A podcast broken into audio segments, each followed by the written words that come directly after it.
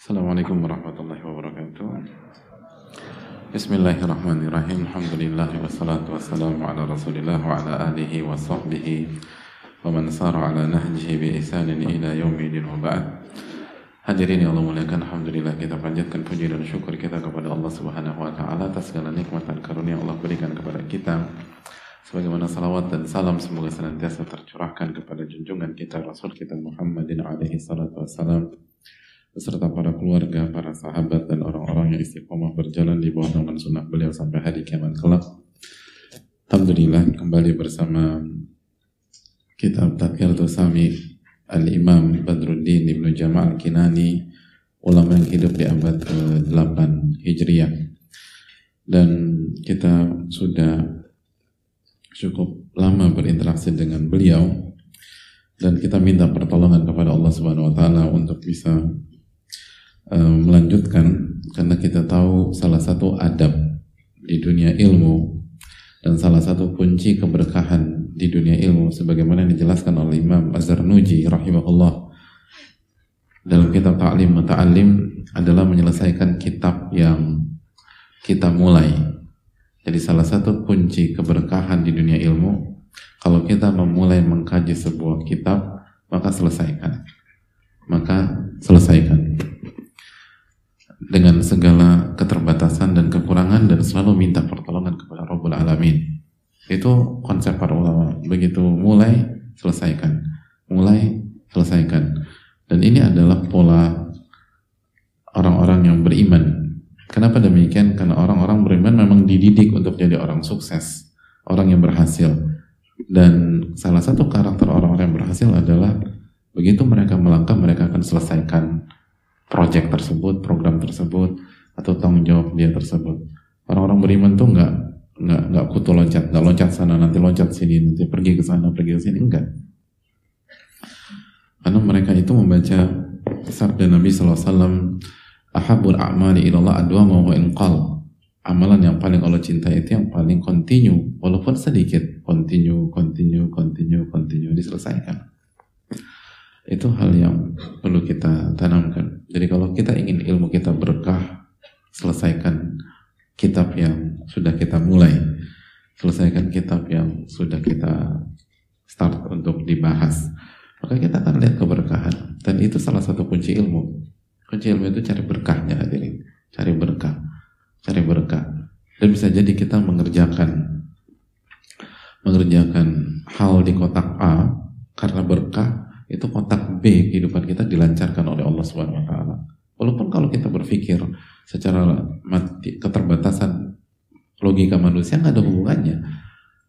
Tapi kan apa yang sulit bagi Allah wa taala? Apa yang sulit bagi Allah Subhanahu wa taala? Nggak ada yang sulit. Sebagaimana memukulkan tongkat ke permukaan laut itu nggak ada hubungannya dengan laut terbelah menjadi 12 jalan. Ada ada hubungannya nggak sih? Ya pakar ini pakar fisika ya. Eh, gimana cara mukul? Terus lo terbelah jadi 12 jalan. Apa hubungannya? Nggak ada. Nggak ada hubungannya. Tapi itulah keberkahan. Itulah keberkahan. Jadi selesaikan kitab selesaikan kitab selesaikan kitab biar Allah kasih keberkahan. Allah akan lancarkan urusan kita. Allah akan mudahkan keluarga kita. Allah akan kasih keberkahan sama anak-anak kita. Terus keberkahan keberkahan keberkahan keberkahan. Nggak semua uh, apa nggak semua pemberian Allah Subhanahu Wa Taala itu sesuai di kotak kita. Seperti doa kan jemaah. Kita tahu hadis Nabi SAW bahwa tidaklah seorang mukmin berdoa yang di dalamnya uh, apa uh, tidak ada unsur dosa dan memutuskan tali silaturahim ke kezoliman kecuali Allah akan balas dengan atau Allah kasih dengan satu dari berapa? Tiga. Satu dari tiga. Yang pertama, an lahu lahu fid dunya. Allah akan kasih permintaannya di dunia sesuai yang dia minta. Yang ketiga, au yadakhiru lahu fil akhirah. Atau Allah nggak kasih dunia tapi Allah ganti di akhirat. Allah simpan buat di akhirat. Atau Allah palingkan bala atau bencana yang seharusnya menimpa dia yang senilai dengan doanya tersebut. Jadi apa hasil di kotak yang kita perjuangkan itu hanya satu dari tiga opsi hadirin. Itu harus kita camkan. Itu konsepnya orang beriman. Hasil sesuai hasil yang sesuai dengan kotak yang sedang kita perjuangkan itu hanya satu dari tiga opsi. Dan itulah apa nggak pinternya kita gitu loh. Jadi kita berpikir kalau ternyata mentok berarti gagal. Kalau mentok berarti ada masalah. Loh, Anda lihat dua opsi yang lain loh. Keberkahan itu luas. Inna rahmati sabaqat ghadabi kata Allah. Rahmatku mengalahkan murkaku. Jadi salah satunya adalah selesaikan kitab, selesaikan kitab dan berkhidmat kepada kitab-kitab para ulama, berkah kita. Berkhidmat kepada buku-buku para ulama, para ahli ilmu kita, maka kita akan dikasih keberkahan oleh Allah Subhanahu wa taala. Dan sekali lagi kembali bersama Al-Imam Ibnu Jamal Kinani Asy-Syafi'i rahimahullah taala rahmatan wasi'ah. Tapi kita masuk ke ke mana hadirin? Masih ingat nggak? Masih ingat? Siapa masih ingat? Materi terakhir kita? Dalam bab apa kita? Tentang apa? Ada terhadap guru? Benar tuh. Alim ya, ahli ilmu ya. Ada seorang alim dalam dirinya. Jazakallah khairan. Terus materi terakhir kita bahas apa? Atau namanya siapa? Febri. Web tentang apa Feb? Menjaga syiar identitas Islam. Ah, kenapa? Menjaga menjaga syiar identitas Islam. Ah, oke. Okay. Jazakallah khairan. Mana sarapan saya?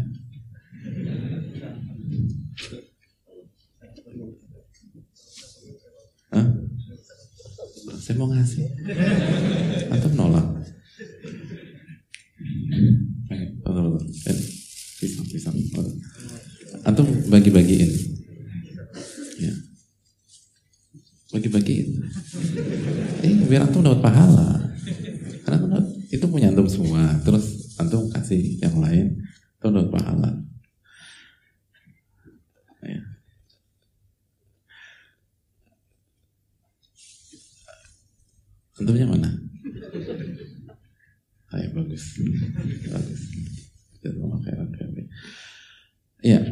Masuk ke uh, pembahasan ke-6 Al-Muhafadzah ala Sya'airil Islam Al-Muhafadzah ala Sya'air menjaga syiar-syiar Islam atau identitas keislaman Tafadhal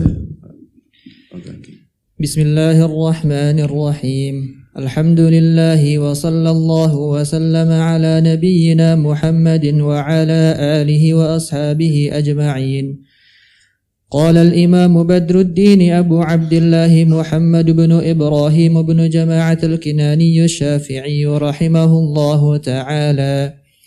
السادس أن يحافظ على القيام بشعائر الإسلام وظواهر الأحكام كإقامة الصلوات في مساجد الجماعات وإفشاء السلام للخواص والعوام. والأمر بالمعروف والنهي عن المنكر والصبر على الأذى بسبب ذلك صادعا بالحق عند السلاطين. باذلا نفسه لله لا يخاف فيه لومة لائم. ذاكرا قوله تعالى واصبر على ما أصابك إن ذلك من عزم الأمور وما كان سيدنا رسول الله صلى الله عليه وسلم وغيره من الأنبياء عليه من الصبر على الأذى. وما كانوا يتحملونه في الله تعالى حتى كانت لهم العقبى وكذلك القيام بإظهار السنن وإخمال البدع والقيام لله تعالى في أمور الدين. وما فيه مصالح المسلمين على الطريق المشروع والمسلك المطبوع. ولا يرضى من أفعاله الظاهرة والباطنة بالجائز منها بل يأخذ نفسه بأحسنها وأكملها فإن العلماء هم القدوة وإليهم المرجع في الأحكام وهم حجة الله تعالى على العوام وقد يراقبهم للأخذ عنهم من لا ينظرون ويقتدي بهديهم من لا يعلمون.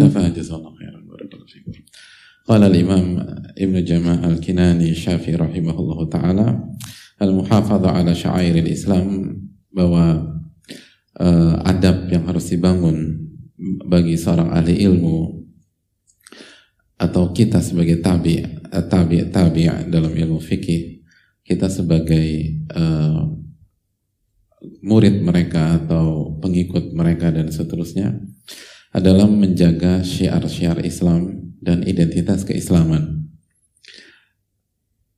Jadi penuntut ilmu dituntut untuk menjaga syiar-syiar Islam, menjaga identitas keimanan, keimanan dan keislaman. Lalu penulis rahimah, rahimahullah taala memberikan contoh seperti menjaga sholat uh, berjamaah di masjid bagi laki-laki, wa salam wal awam dan uh, menyebarkan salam bagi yang kita kenal atau di hadapan orang yang kita kenal dan orang yang kita nggak kenal orang yang dekat dengan kita jelas identitasnya atau masyarakat umum sebarkan salam, sebarkan salam, sebarkan salam. Dan salam adalah syiar jemaah sekalian. Jadi penuntut ilmu dijelaskan oleh para ulama, ahli ilmu dijelaskan oleh para ulama itu harus jaga sholat. Habis jaga sholat sebarkan salam. Itu penting, penting hadirin. Harus di, di, di, di, dijadikan kultur. Dan ingat bahwa menyebarkan salam uh, adalah hal yang sangat penting. Gitu. La tadkhul jannata hatta tu'minu kata Nabi SAW. Kalian nggak akan masuk surga sampai kalian beriman. Kalian tu'minu hatta tahabu dan kalian tidak akan beriman dengan iman yang sejati sampai kalian saling mencintai. Awala adulukum ala syai'in idza fa'altumuhu tahabbtum. Maukah kalian aku beritahu sebuah amalan yang apabila kalian kerjakan, kalian akan saling mencintai? Afshus salam bainakum. Sebarkan salam di antara kalian.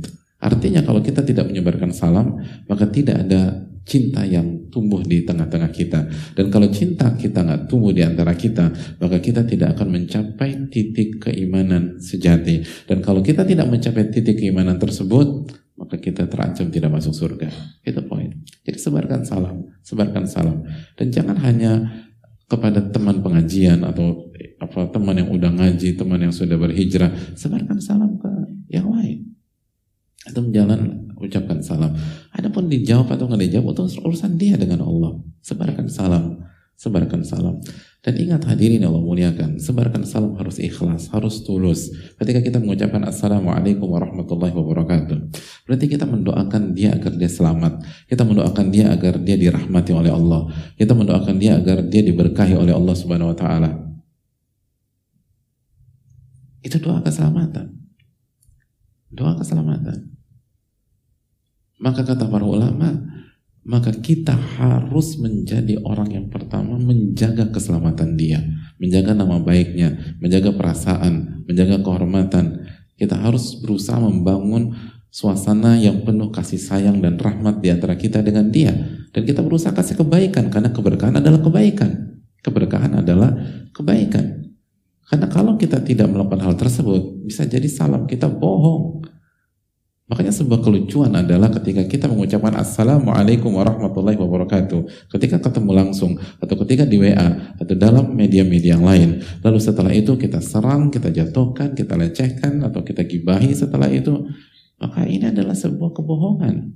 Bagaimana mungkin kita mendoakan dia selamat, lalu beberapa menit kemudian dia tidak selamat dari lisan kita. Bagaimana mungkin kita mendoakan dia selamat, sedangkan beberapa menit kemudian dia tidak selamat dari perbuatan kita. Bagaimana kita bisa bisa bisa jujur atau kita dikatakan jujur ketika mengucapkan assalamualaikum warahmatullahi wabarakatuh, sedangkan berikutnya kita jatuhkan, kita nyinyirin, kita gibahi, kita fitnah, kita serang, kita buat dia terluka secara fisik atau perasaan. Fa'ina sidqu fil kalam. Lalu di mana kejujuran ketika berbicara? Bukankah Nabi SAW bersabda ayatul munafik kitalat. Tanda orang munafik ada tiga. Dan yang pertama, idha haddatha kadaba. Apabila dia berbicara, dia berbohong. Ketika bicara dia berbohong. Itu sama. Ketika ketika kita mengucapkan assalamualaikum warahmatullahi wabarakatuh, kita bohong. Kita nggak jaga keselamatannya, kita tidak menghadirkan kebaikan, kita tidak menumbuhkan atmosfer kasih sayang. Mana ada kejujuran di situ? Salam ini powerful jika diucapkan dengan lisan dan diresapi dengan hati. Adapun kalau dengan lisan yang begitu. Jadi artinya kita harus sadar benar pada saat kita WA seseorang misalnya. Ini penuntut ilmu, WA seseorang. Lalu kita mulai Assalamualaikum warahmatullahi wabarakatuh. Berarti pembicaraan berikutnya kita harus jaga perasaannya, jaga lisan, jaga kata-kata, jaga jaga diksi, jaga uh, kenyamanan dia dan seterusnya. Kalau kita ketemu, kalau kita Assalamualaikum warahmatullahi wabarakatuh, maka harus jaga itu. Makanya untuk melihat ya hadirin yang memuliakan. Allah dan Rasulnya men-set, men-set asal eh, menset ucapan salam itu itu di awal. Itu pintu gerbang komunikasi. Pintu ger, di pintu gerbangnya interaksi. Makanya kan kita disunahkan salam pas kapan? Pas ketemu kan? Ya kan? Pas ketemu ucapkan salam. Lalu kita disunahkan mengucapkan salam pas kapan? Pas mulai bicara. Assalam qoblal kalam kata Nabi SAW. Ucapkan salam sebelum bicara. Kapan kita disunahkan salam? Ketika mulai bertanya. Assalam qoblal soal. Ucapkan salam sebelum bertanya. Jadi salam itu di set, itu di awal agar agar agar, dari awal terkontrol. Kita yang mungkin sebel, ada sifat hasad, ada emosi sama orang tersebut. Begitu memulai pembicaraan dengan Assalamualaikum warahmatullahi wabarakatuh, dan kita berusaha jadi seorang mukmin, kita berusaha jujur, ingat lagi kita, oh gue nggak boleh hasad sama dia, aku nggak boleh nyerang dia. Padahal awalnya pengen aku semes nih orang, tapi begitu Assalamualaikum warahmatullahi wabarakatuh. Jadi kita udah pengen semester orang, begitu ketemu dia ucapkan salam. Assalamualaikum warahmatullahi wabarakatuh. Ya nggak jadi nih kan gitu. Tapi jangan nyesel juga gitu. ya, baru mau semes, salam lagi. Bukan. Itu justru alat kontrol bagi kita. Begitu mau semes, Assalamualaikum warahmatullahi wabarakatuh. Waalaikumsalam warahmatullahi wabarakatuh. Ah, boleh. Jangan jadi munafik. Tahan. Tahan. Harusnya begitu. Itu dijelaskan para ulama. Gitu. Makanya Al-Imam Abu Nuaim dalam Hilya itu membawakan ucapan salah satu salaf adalah ucapan Assalamualaikum itu artinya anta minni salim wa ana minka salim.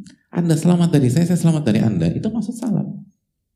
Jadi kalau ada di grup Assalamualaikum warahmatullahi baru ini, berarti saya, saya, saya selamat dari kalian semua, kalian semua selamat dari saya. Itu poinnya.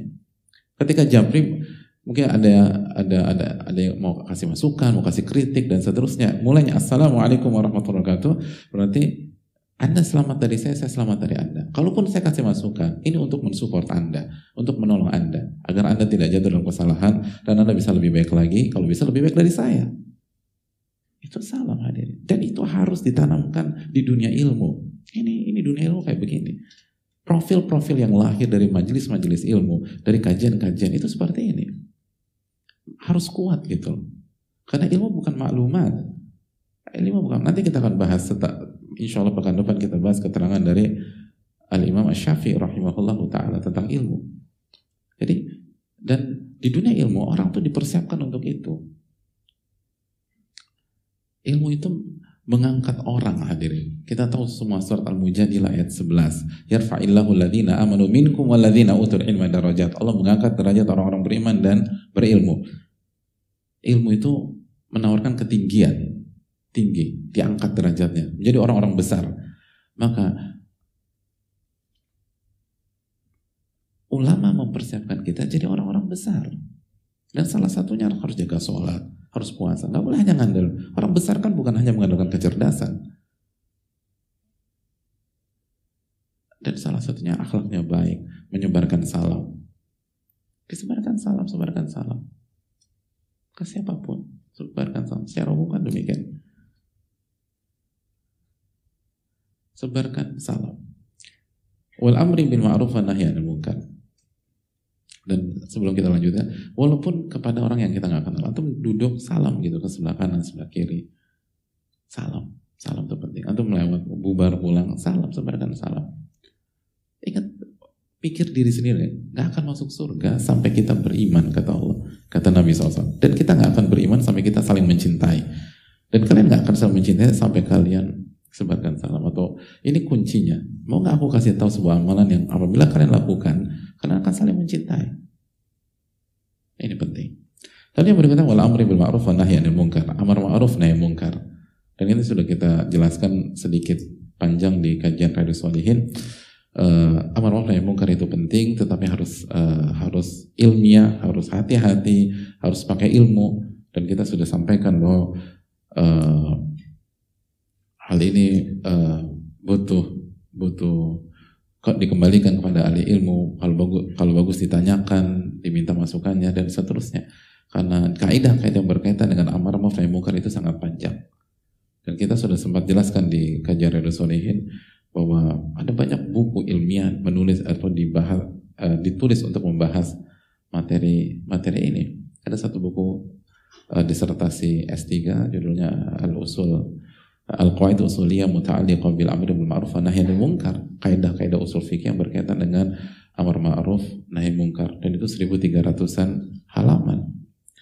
Dan di beberapa kampus atau di di kampus uh, kampus Islam yang kuat di dunia itu amar ma'ruf nahi munkar itu itu ada fakultasnya. Jadi fakultas apa loh? Fakultas amar ma'ruf nahi munkar ada dari S1, S2, S3. Jadi bukan kemarin hijrah sekarang langsung jadi pendekar, enggak juga. Gitu Ya, kemarin baru belajar sekarang jadi pendekar, bukan begitu caranya.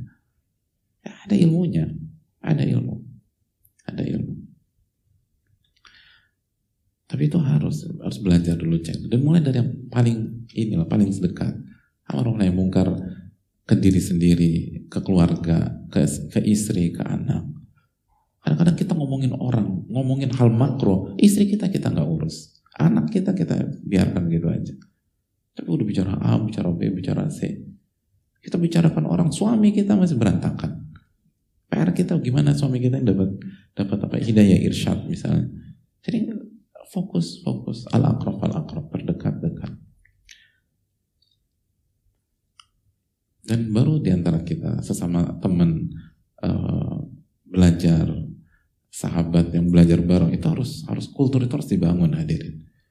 Dan dan dan tunjukkan bahwa ma'ruf nahi mungkar itu bukan sama dengan kekerasan bukan. Tapi itulah pertolongan rasa sayang gitu. Unsur akhaka zaliman au madluma kata Nabi SAW tolonglah saudaramu yang zalim atau yang terzolimi para sahabat bertanya kalau menolong yang terzolimi kami tahu ya Rasulullah terus bagaimana menolong orang yang zalim? Kata Nabi SAW dicegah. Nahi mungkar dicegah itu cara menolong. Jadi spiritnya adalah pertolongan, spiritnya adalah kebaikan, bukan menjatuhkan, uh, nyinyir, menghina dan lain sebagainya. Kita hanya nggak ingin saudara kita jatuh dalam kesalahan.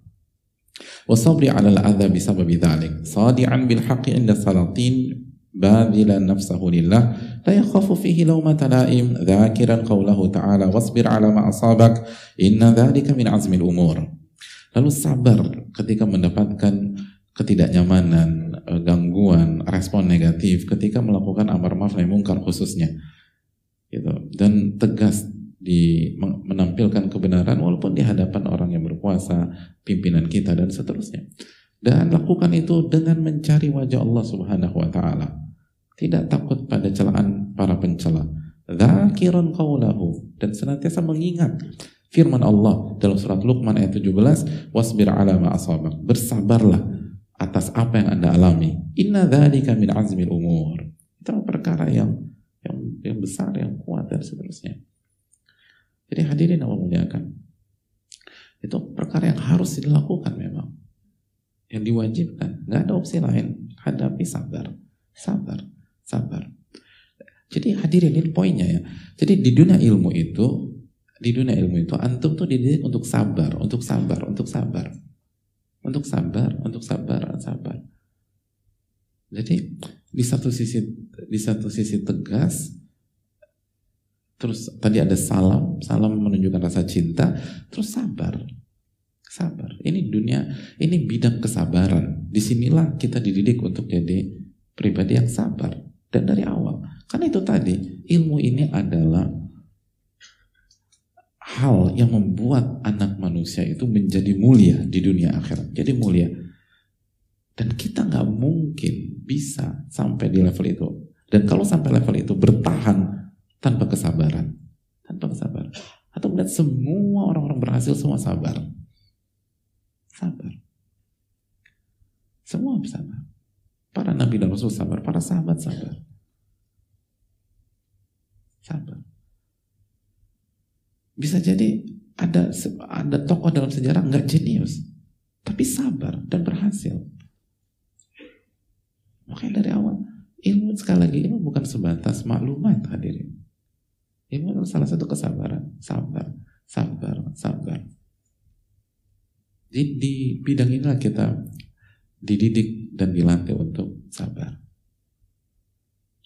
Bukan meledak-ledak, bukan emosional, bukan nggak terkontrol, enggak.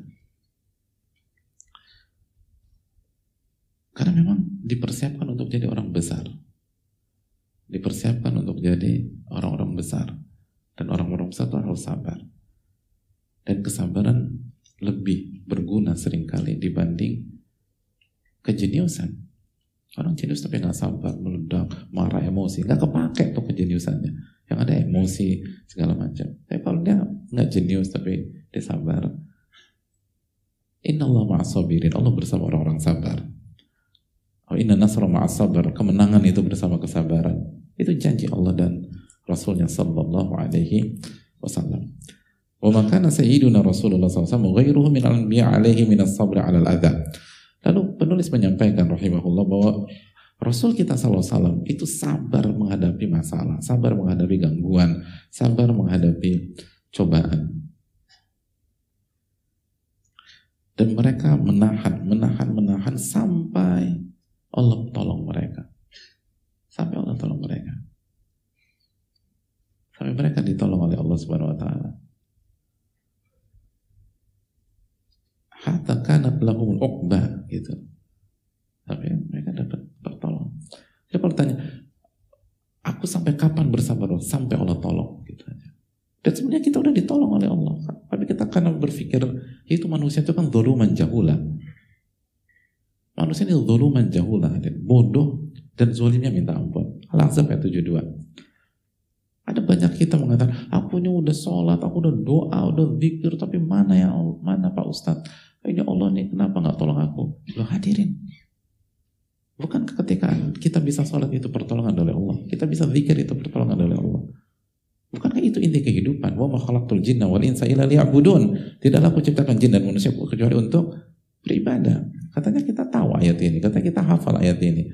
Al-Dhariyat ayat 56. Wa ma khalaqtul jinna wal insa illa liya'budun. Tidaklah aku ciptakan jin dan manusia kecuali untuk beribadah.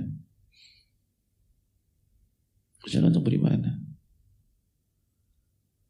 Jadi sebelum kita sering kali sebelum kita sadar itu pertolongan terus. Tapi kita nggak sabar. Dan kita salah dalam menilai kehidupan. Salah dalam membaca kehidupan.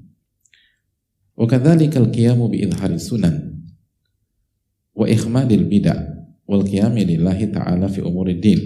Dan begitu juga dengan menghidupkan sunnah-sunnah. Sunnah-sunnah Nabi SAW khususnya baik yang wajib maupun yang yang amalnya sunnah. Dan juga menghilangkan kebid'ahan. Jadi ini disampaikan oleh Imam bin Jamaah dan kita tahu bersama beliau salah satu ulama bermadzhab Syafi'i. Dan ini konsep para ulama kita menghidupkan sunnah Nabi SAW dan menghilangkan kebitahan. Wal lillahi ta'ala fi umuruddin. Dan berusaha menegakkan perkara-perkara agama dan itu hanya karena Allah. Hanya karena Allah. Jadi kehidupan penuntut ilmu nih, penuntut ilmu, kehidupan. Dan ahli ilmu itu bagaimana menghidupkan ajaran-ajaran yang Allah turunkan dan perintah dihidupkan dan jangan jangan ada kepentingan. Karena Allah karena Allah karena Allah. Bukan agar kita terkenal bukan karena kita agar kita punya ini punya itu dan seterusnya. Tapi karena Allah karena Allah karena Allah. Dan harus berpikir demikian. Dari dari awal kita belajar kita harus berpikir demikian. Jadi nuntut ilmu itu untuk menegakkan. Menegakkan apa yang Allah perintahkan dalam diri kita bukan sebagai ada sebagian hijrah biar kaya, biar tetap ini. kaya miskin itu urusan Allah taala ada yang Allah uji dengan kekayaan dan ada yang Allah uji dengan kemiskinan tapi poinnya adalah kita ini berubah kita belajar kita nuntut ilmu agar kita bisa mengamalkan karena mencari wajah Allah tabaraka wa ta'ala. Wa fihi masalihul muslimin ala tariq al-masyru' wal maslik al-matbu'. Dan kita ini harus terbiasa dan kita harus niatkan bahwa kita ini berubah, kita ini uh, belajar itu dalam rangka melakukan hal-hal yang bermanfaat untuk kaum muslimin, bermanfaat untuk orang lain. Gitu Jadi salah satu salah satu perubahan sebelum kita hijrah, setelah kita hijrah. Sebelum kita hijrah mungkin kita egois, mungkin kita mau suka-suka, mau yang penting yang penting gua, suka-suka gua dong, mulut-mulut gua, tubuh-tubuh gua, segala macam gua dan seterusnya. Dan dia nggak mikir, udah pokoknya suka-suka aja. Dia bisa ketawa seenak tenak, saya apa, seenak lisannya di tempat umum yang sebenarnya butuh keheningan. Dia bisa ganggu orang, gitu loh. Dan lain sebagainya. Tapi begitu dia hijrah, Begitu dia duduk di majelis, dia belajar, dia talabul ilm, maka salah satu pemikiran yang berubah adalah bagaimana saya memberikan kebaikan buat orang, bagaimana saya melakukan kebaikan buat teman saya, bagaimana saya menjadi orang pribadi yang bermanfaat. Pribadi yang bermanfaat. Ahabbun nasi ilallah anfa'uhum linnas. Salah satu orang yang paling Allah cintai adalah yang paling bermanfaat buat manusia. Jadi dia keluar dari pola pikir kekerdilan, keegoisan gitu. Menuju jiwa besar yang berpikir orang-orang dan orang lain. Lihat bagaimana Nabi SAW. Selalu ummati, ummati, ummati, ummati. Tadi kita baca. Gak ada yang bicara pada saat sirat itu kecuali para rasul. Dan apa yang mereka sampaikan? Mereka urus diri mereka sendiri? Enggak. Ummati, ummati, ummati, ummati. Itu kan pesan bagi kita jemaah sekalian. Kalau kita benar-benar mengikuti sunnah Nabi SAW, coba punya mental ini. Punya punya mental ini. Jadi sekali lagi, harusnya kita rubah. Isunya bukan kita mau makan apa besok. Tapi apa yang bermanfaat buat masyarakat besok. Apa yang bermanfaat buat orang lain. Apa yang bermanfaat buat lingkungan. Apa yang bisa aku kerjain buat teman-teman nih banyak yang PHK segala macam. Saya harus buat apa gitu. Sehingga dengan antum punya mental ini, otomatis semua bekerja dalam diri antum. Jadi pribadi yang punya visi, pribadi yang punya mental besar, nggak nggak apa eh, nggak uh, egois, nggak kekanak-kanakan, nggak mikirin dirinya sendiri, gitu. Tapi dia pikir banyak pihak, tapi nggak lupa terhadap kebutuhan roh dia. Justru dia lakukan ini semata-mata mencari ridho Allah. Dia nggak berharap apa reward dari manusia, pamrih dari manusia, ucapan jazakumullah khairan dari manusia. Enggak. Itu penuntut ilmu. Itu penuntut ilmu. Bagaimana saya bermanfaat di di lingkungan saya, bagaimana saya bermanfaat, apa yang harus bisa saya lakukan. Harusnya berpikir demikian. Bukan, ah, gue dapat apa nih? Apa yang anda dapat lakukan? Percuma, anda udah hijrah, ternyata gini-gini juga. Bukan begitu pola pikirnya. Pola pikirnya adalah apa yang bisa saya berikan buat Anda. Hadirin, pertolongan itu tergantung seberapa besar tanggung jawab kita. Kan itu kaidahnya. Jadi kalau kita hidupnya hanya ngurus diri kita sendiri doang, dengan dengan dengan konotasi yang negatif, konotasi yang kerdil, konotasi yang nggak peduli sama orang, ya udah, kalaupun ditolong ya segitu-gitu aja.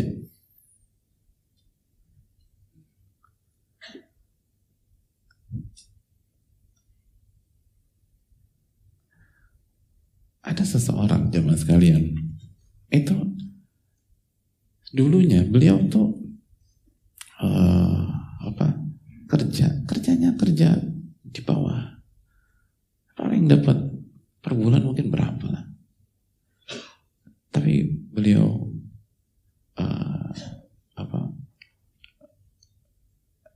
dengan taufik dari Allah memutuskan untuk bagaimana menjadi pribadi yang bermanfaat, ngurus orang, orang yang dibuang segala macam.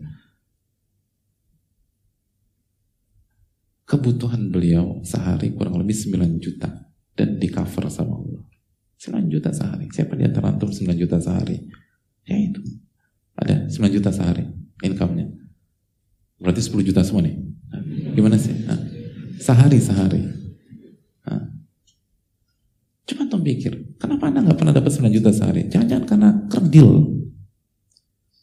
Jiwa kita kerdil. Mikirin diri kita sendiri, gak mikirin orang. Coba kalau kita mikirin orang, gimana saya bantu? Dan mulai dari kita, kita harus berkorban. Kita harus keluarkan apa yang kita punya dulu.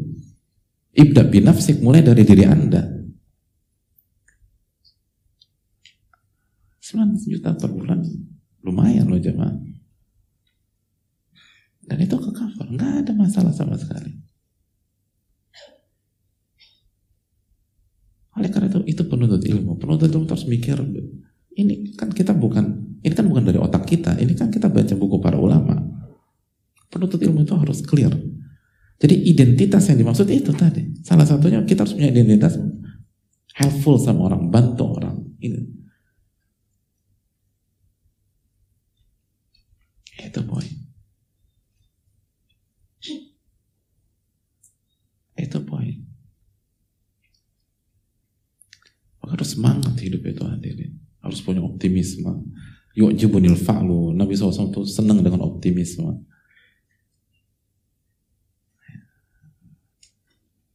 Itu. Maka kita butuh butuh bang ini lagi, butuh ngumpul lagi di majelis ilmu, butuh ketemu lagi, butuh ngaji bareng lagi, butuh ketemu orang-orang baik, itu penting. Jangan tenggelam dalam masalah-masalah pribadi kita, nggak akan selesai. Kita sampai mati juga ada masalah hadir. Kapan? Kok nggak datang kajian lagi ada masalah? Ya sampai mati nggak akan ke kajian. Emang Hamin tiga sebelum antum meninggal nggak ada masalah nanti, gitu. Kan nggak ada dalil. Masalah itu sampai bahkan sekali lagi kematian aja tuh ujian kan. Allah di khalaqal mauta wal hayata liyabluwakum ayyukum ahsanu amala. Dia yang menciptakan kematian dan kehidupan untuk menguji kalian. Harus sempetin, kata mau jadi orang besar di sisi Allah Subhanahu wa taala. Ya harus mulai dengan ilmu. Harus dilawan. Ini penting jamaah sekalian. Biar dapat berkahnya gitu. Apalagi kayak misalnya Allah kasih kemudahan kita dikasih sama Allah waktu pagi ini kan penting banget buat kita karena kalau waktu pagi udah malas segala macam kata para ulama hari itu seperti onta. Hari itu seperti onta. Kalau anda bisa pegang kepalanya itu bun, sampai buntut ngikut gitu. Harusnya pegang gitu. Hari itu se seperti onta. Kalau kita bisa pegang waktu paginya sampai malam insya Allah berkah gitu. Makanya penting. Pegang waktu pagi itu penting. Megang waktu pagi itu sangat penting. Kalau kita bisa pegang waktu pagi sampai malam berkah gitu. Kita jaga ini. Dan penting ilmu Karena ilmu itu optimisme. Rasa takutnya pun juga rasa takut yang menjadi booster semangat ibadah. Seperti ketika kita tadi bahas pasal sirat.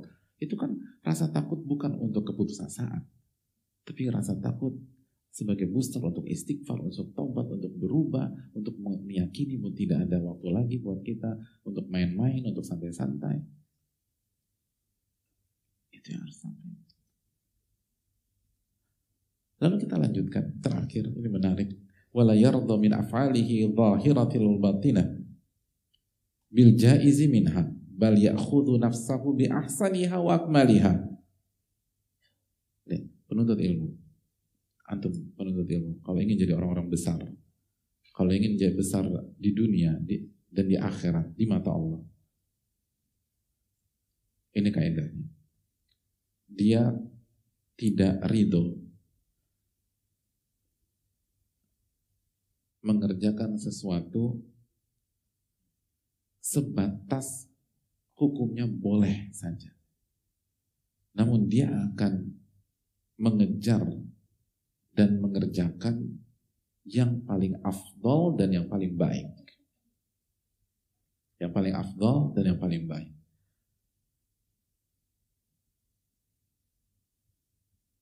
Itu mental, mental di dunia ilmu, mental penuntut ilmu, apalagi ulamanya. Mental-mental ahli ilmu ulama itu nggak bukan di level apakah ini boleh atau tidak boleh, tapi apakah ini yang terbaik, apakah ini yang ter terafdol, terahsan. Ah, saya mau yang gitu.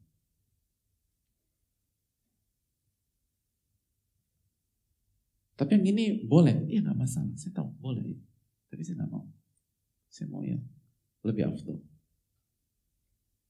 Saya mau yang lebih baik. Fa'inal ulama humul qudwa. Karena ulama adalah teladan kita. Teladan mereka. Wa ilaihim marji fil ahkam. Wa hum hujjatullah alal awam.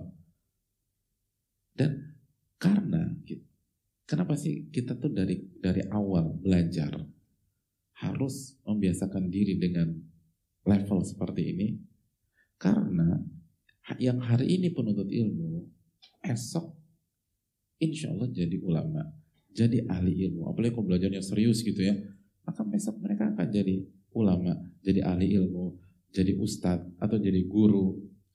Dan kita nggak usah bicara skop nasional atau skop provinsi. Ada banyak di antara kita yang belajarnya serius, back to basic dasar, dan ke, akhirnya setelah belajar bertahun-tahun dia bisa jadi misalnya guru anak-anak kecil gitu.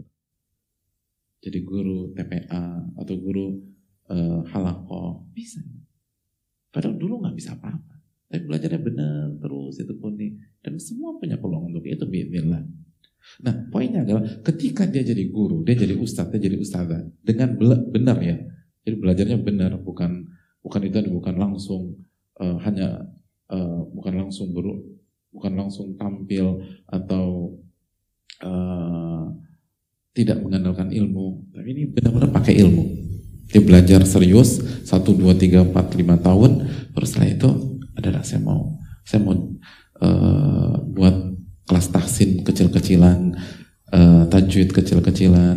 Atau saya mau ngajak ngajarin ibu-ibu di kampung belakang mereka nggak ngerti apa-apa gitu loh. Terus juga saya juga akan uh, minta masukan dari ustadz-ustadz. Saya akan tanya gimana. Ini cuma segini dan saya nggak ada rencana uh, berada di di atas kapasitas saya. Rahimallahu mar'ana arafa qadra nafsi. Semoga Allah merahmati orang yang tahu kapasitas dirinya Nah, ketika dia jadi guru itu, itu kan bisa.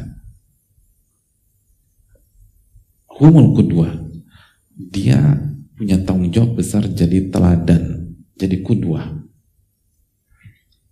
Maka dia harus membiasakan diri dari awal untuk bermain di level yang lebih tinggi daripada orang awam, itu poinnya. Bisa dimengerti nggak? Oke. Dan kita mau usah muluk-muluk lagi-lagi. Jangan berpikir Syekhul Islam. Enggak usah jadi baca Syekhul Islam, jangan baca Imamul Hujjah atau Imamul Auhad seperti Ibnu Hazm, enggak. Atau buat kita buat hal lebih simpel lagi. Kita ketika menuntut ilmu belajar, bukankah kita mau tidak mau dijadikan teladan di keluarga besar kita? Mau nggak mau kita disorot oleh keluarga besar kita. Disorot. Sadar atau nggak sadar? Maka jika kita start dari awal, selalu berusaha tampil tampil di level terbaik, menyebarkan salam baik, mikirin orang, bantu sana segala macam, maka ketika kita benar-benar jadi teladan di setiap skop kehidupan, di setiap uh, level komunitas, kita siap.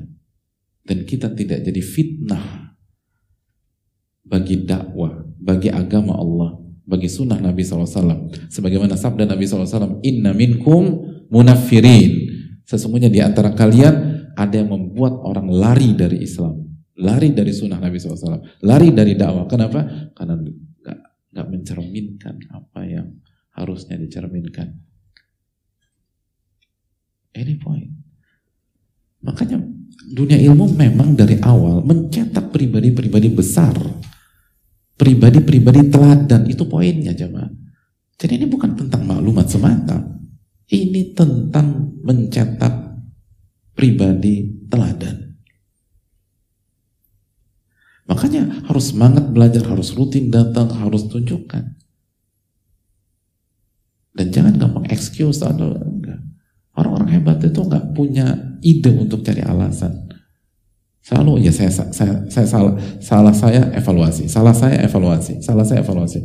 Kenapa belum bisa ikut kajiannya? Saya harus datang. Kenapa terlambat ya? Besok saya harus perbaiki. Capek, semua capek. Letih, semua letih. Dan memang dunia itu tempatnya letih. Ad-dunia darul bala. Ad-dunia darul ta'ab. Dunia itu memang tempatnya capek. Justru kalau nggak capek bermasalah berarti kita. Kalau anak fresh, terakhir capek tiga tahun yang lalu, ada masalah dalam hidup kita. Beneran, serius. Itu kan kayak para ulama, dunia darut ta'ab. Dunia itu tempatnya capek. Tempatnya ibtila, tempatnya ujian segala macam. Tapi harus direspon dengan ilmu, dengan tepat, dengan ibadah. Dan lagi-lagi kita butuh lingkungan. Kita butuh lingkungan. Kita penting. Kita butuh lingkungan. Jangan hidup sendiri hadirin. Innama ya'kulun dhi'bu minal qanamil qasiyah. Kata Nabi SAW, yang diserang sama serigala itu adalah domba yang yang menyendiri dari rombongannya. Apa maksudnya? yang diserang oleh syaitan itu yang sendirian. Oleh karena itu bermain di level yang tinggi. Wa ilaihimul marji fil akam. Karena ketika kita sudah jadi guru atau apa, kita jadi rujukan. Kalau kita tidak membiasakan diri bermain di level yang tinggi dari awal, dari awal belajar, maka begitu kita jadi rujukan keluarga, jadi rujukan e, lingkungan, jadi rujukan di kantor, oh berantakan kita. Dan akhirnya kita jadi fitnah. Itu poin. Makanya dari awal harus, makanya itu alasan kenapa di antara hikmahnya, kenapa adab sebelum ilmu. Mereka belajar adab sebagaimana mereka belajar ilmu. Karena memang disat untuk menjadi pribadi teladan. Bukan hanya pribadi yang pintar, bukan. Tapi jadi teladan di kehidupan. Bukan sebatas pintar, lalu bagus hafalannya dan seterusnya. Walaupun itu semua penting, tanpa meremehkan siapa pun. Tapi yang diinginkan lebih komplit. Yang diinginkan itu full package. Teladan. Karena kita akan jadi rujukan sesuai dengan level kita masing-masing. Minimum kita jadi rujukan istri kita. Minimum kita jadi rujukan anak-anak. Dan begitu kita gagal jadi teladan bagi istri dan anak-anak, itu sudah cukup jadi mimpi buruk kita di alam barzakh dan pada hari kiamat kelak. Kita nggak usah bicara skop besar lah. Kita nggak usah bicara muluk-muluk punya kajian segala macam. Kalau kita gagal jadi teladan bagi istri dan anak-anak, atau kita gagal jadi teladan bagi anak-anak kita jika kita seorang wanita itu sudah cukup menjadi mimpi buruk kita di alam barzakh dan di hari kiamat kelak.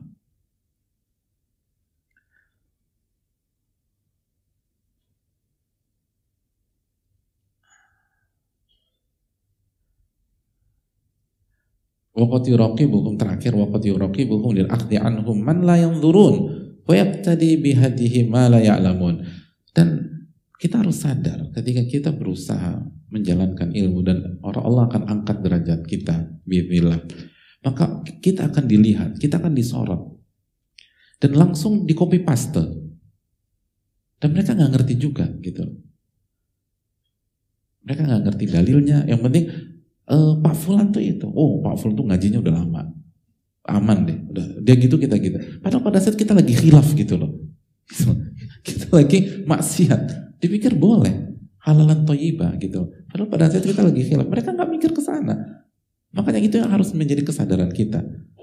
Gitu. Jadi itu tadi, begitu udah ngaji dan seterusnya, itu nggak ada lagi apa kita harus keram, jangan emosi di keluarga, jangan emosi di rumah tangga, jangan ini, karena kita jadi rujukan. Memang boleh marah-marah gitu, ternyata padahal kita lagi lepas kontrol. Kita harus sadar bahwa sorot akan ke kita. Suka apa nggak suka? Suka atau nggak suka? Maka kita harus mempersiapkan hal itu mulai dari awal bermain di level yang berbeda. Gitu. Apa yang biasa dilakukan oleh teman-teman kita yang awam itu mungkin kita nggak lakukan tanpa mengharapkan Emangnya haram? Enggak, saya nggak mengharapkan. Ayo ikut dong, maka saya enggak, makasih. Bisa jadi begitu. Tapi ini hukum yang masih global, butuh tafsir, butuh perincian, dan bukan saatnya kita memperinci ini. Jadi perlu di breakdown gitu loh. Jadi jangan langsung semuanya disapu bersih. Dan akhirnya kita mengharamkan yang halal akhirnya. Enggak, bukan ke sana. Tapi saya ingin menjelaskan bahwa Ibnu Jama'ah rahimahullah dan para ulama kita mengajak antum semua untuk bermain di level yang berbeda setelah kita masuk ke dunia ilmu. Main di level yang berbeda. Bukan di level standar biasa. Dan itu harus diperbaiki dari semua hal. Itu poinnya, ini bisa sampaikan. Wassalamualaikum warahmatullahi Muhammad. Kita buka sedikit waktu untuk sesi tanya jawab.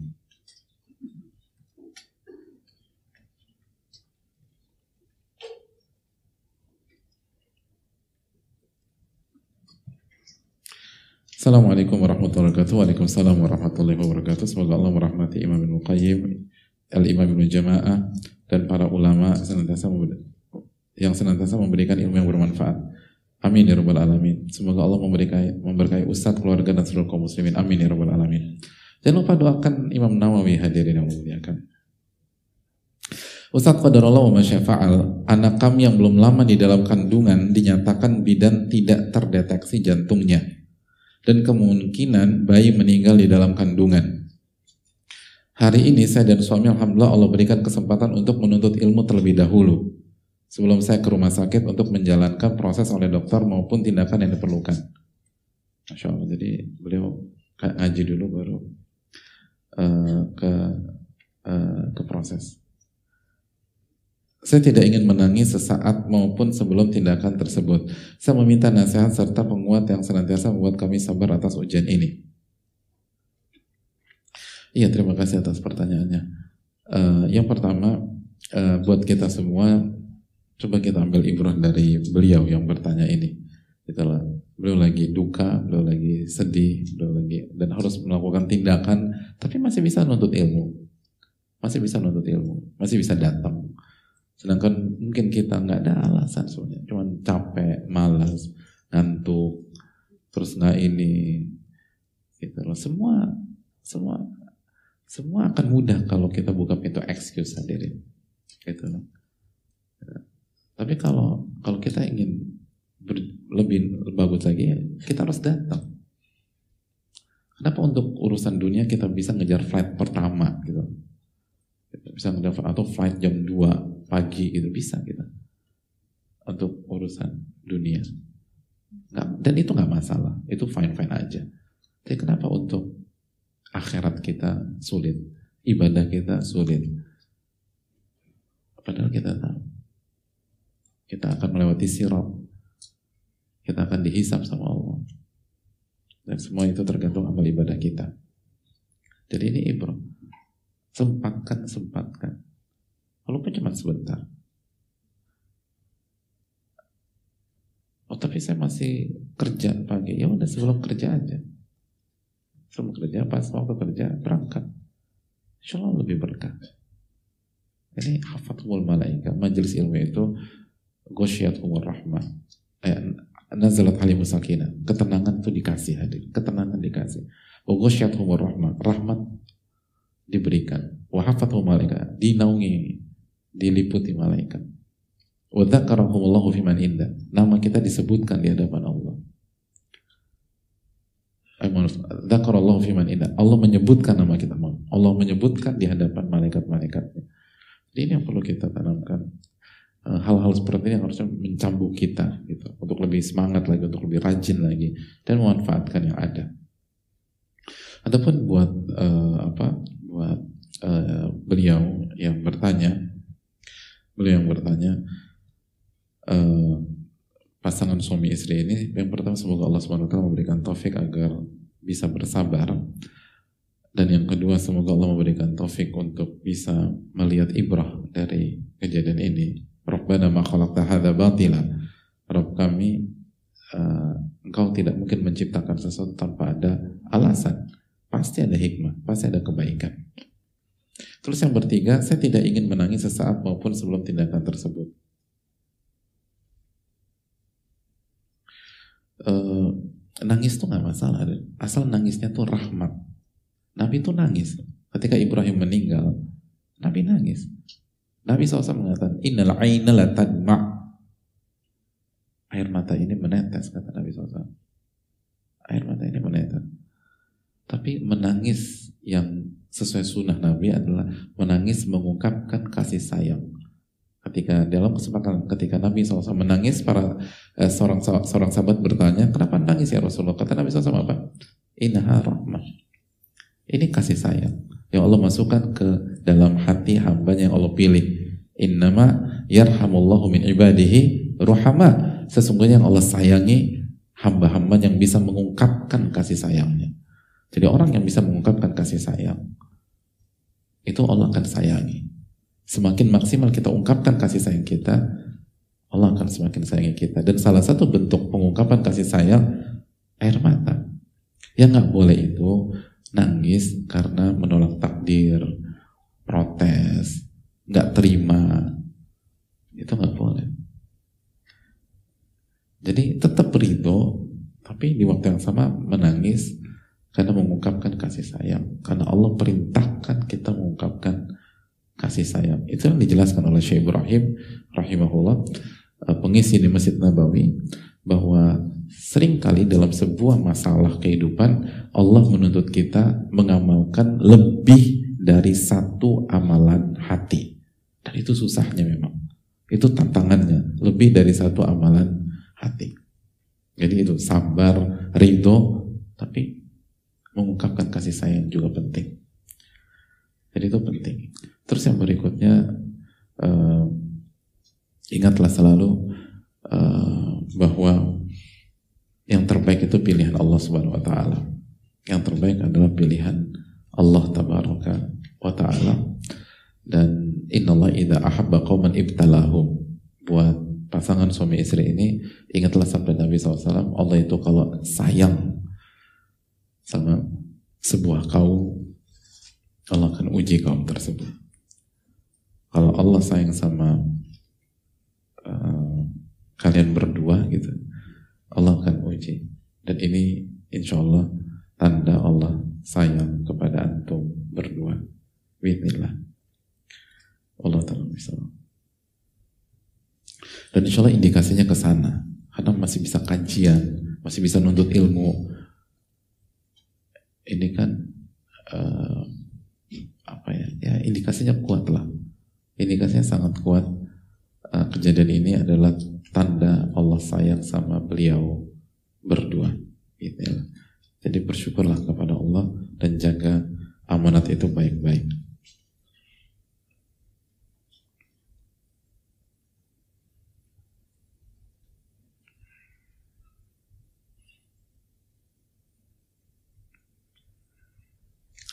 Assalamualaikum warahmatullahi Semoga Allah memberikan kesehatan dan keberkahan hidup untuk kita semua. Amin ya alamin. Alhamdulillah setelah 19 bulan kita dapat bertemu dengan kitab Tathiratus Sami kembali. Saya ingin bertanya uh, sebelum saya lanjutkan jangan lupa doakan Al-Imam Ibnu Jamaah, Al-Imam An-Nawawi. Itu hal penting, secara khusus penting.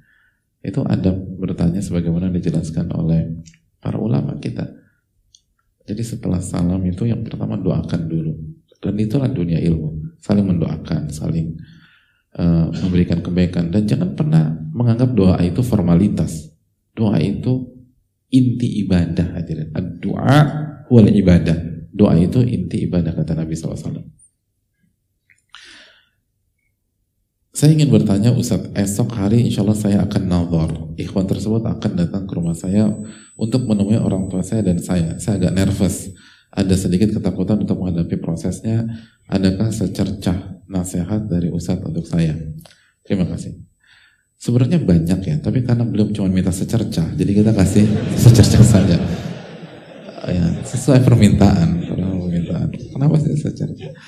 Uh, enggak ini apa ini uh, kajian khusus atau kajian berseri tapi intinya Coba jujur sama Allah Subhanahu wa taala. Intas dukillah yasduka. Jika Anda jujur Allah akan wujudkan cita-cita Anda. Jujur, jujur dan jujur. Itu hal penting. Terus yang kedua kita harus tahu apa yang kita butuhkan. Kita harus tahu apa yang kita butuhkan. Karena banyak orang ini kan nggak tahu apa yang dibutuhkannya apa. Nggak ngerti. Khususnya yang sudah terpaut hatinya gitu. Makanya uh, pentingnya netral sebelum menikah dan memilih itu itu hadirin.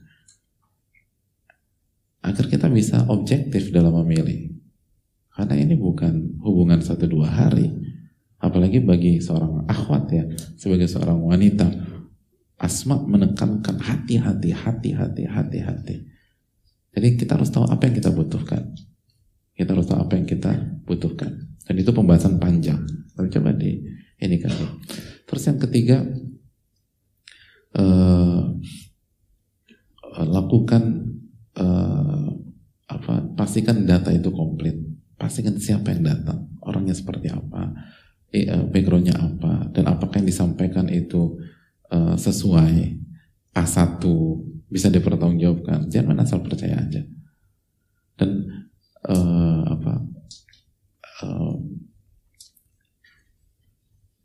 Gerakan apa yang kita bisa miliki untuk dapat akses data tentang sosok laki-laki ini. Lalu berikutnya libatkan wali hadirin. Fungsi wali itu untuk mengawal. Bukan hanya sekedar om terserah si mawar saja. Nggak bisa begitu. Atau nggak cukup seperti itu. Atau cuman uh, ankah tukaha dan seterusnya. Enggak. Wali itu kawal. Kawal wanita uh, kita, kawal anak perempuan kita, kawal adik perempuan kita, kawal kakak perempuan kita, kawal. Harus kawal. Makanya itu pentingnya. Kenapa wali dari pihak wanita bukan dari pihak eh, laki-laki? Uh, Karena sangat dibutuhkan pengawalan bagi seorang wanita. Jangan sampai kehormatannya diambil. Jangan sampai dia jadi bahan mainan. Jangan sampai ada oknum yang ingin memuaskan syahwatnya pada dia terus ditinggalkan. Jangan sampai dia dipukulin nanti, jangan sampai dia disakiti nanti. Kita libatkan wali. Dan kalau wali kita nggak bisa menjalani peran itu, coba cari sosok-sosok misalnya uh, dari keluarga besar yang bisa awal kita sebagai wanita, atau misalnya lingkungan persahabatan kita kita punya sahabat misalnya suaminya tolong kawal cek ini segimana ya segala macam. Jadi ini penting. Ini hal yang sangat penting. Hati-hati lah. Hati-hati masalah ini.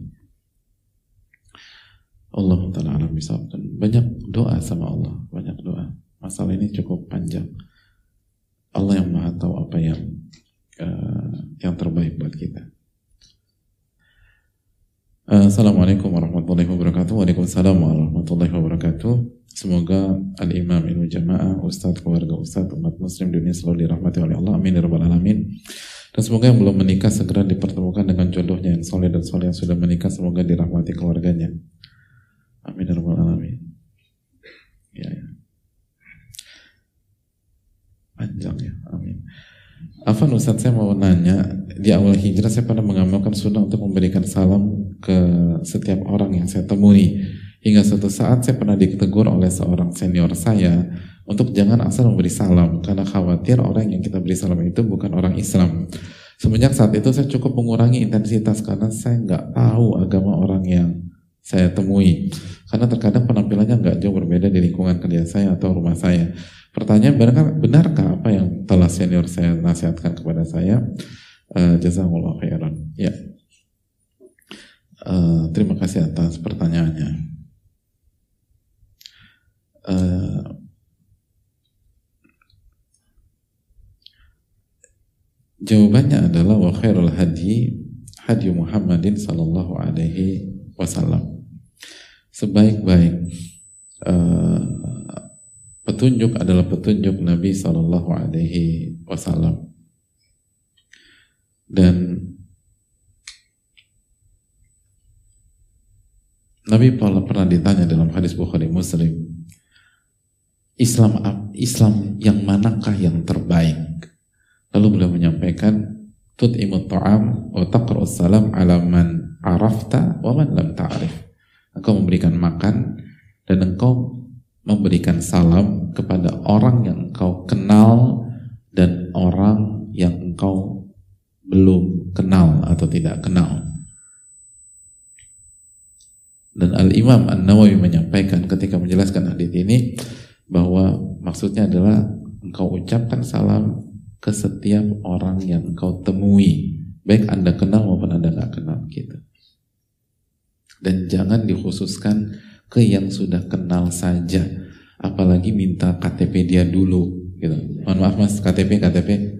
Assalamualaikum warahmatullahi wabarakatuh. KTP gimana hadirin ya Allah Ya nggak benar lah. Ini sabda Nabi SAW. Ini sabda Nabi SAW. Udah jelas sudah gitu.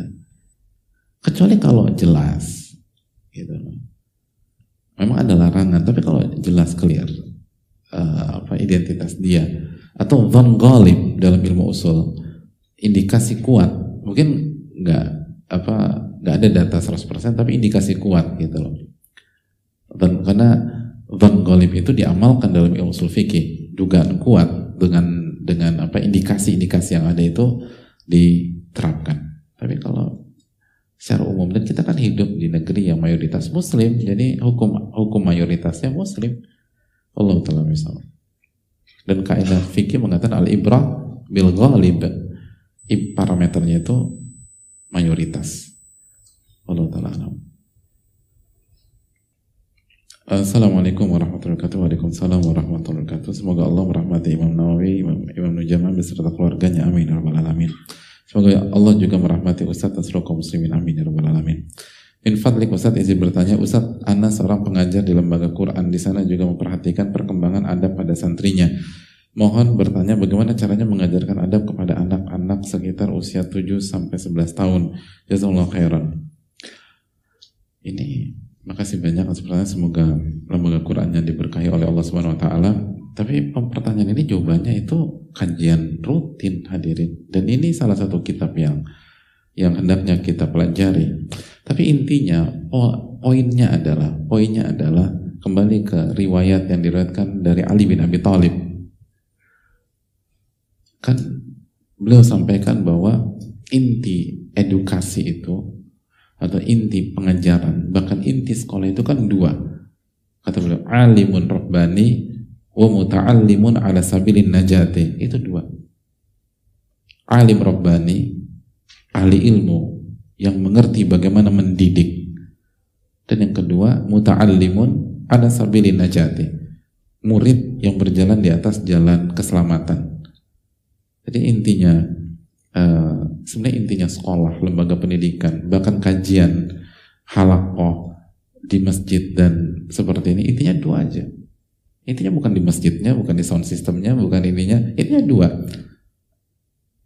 Ada guru yang mengerti bagaimana mendidik dan yang kedua ada murid yang berjalan di atas jalan keselamatan itu poinnya. Jadi kita harus perkuat gurunya dulu perkuat gurunya dulu karena itu kunciannya ada di situ. Alimun rabbani. Alim rabbani. Alim tapi nggak cukup harus rabbani juga. Jadi ahli ilmu yang mendidik.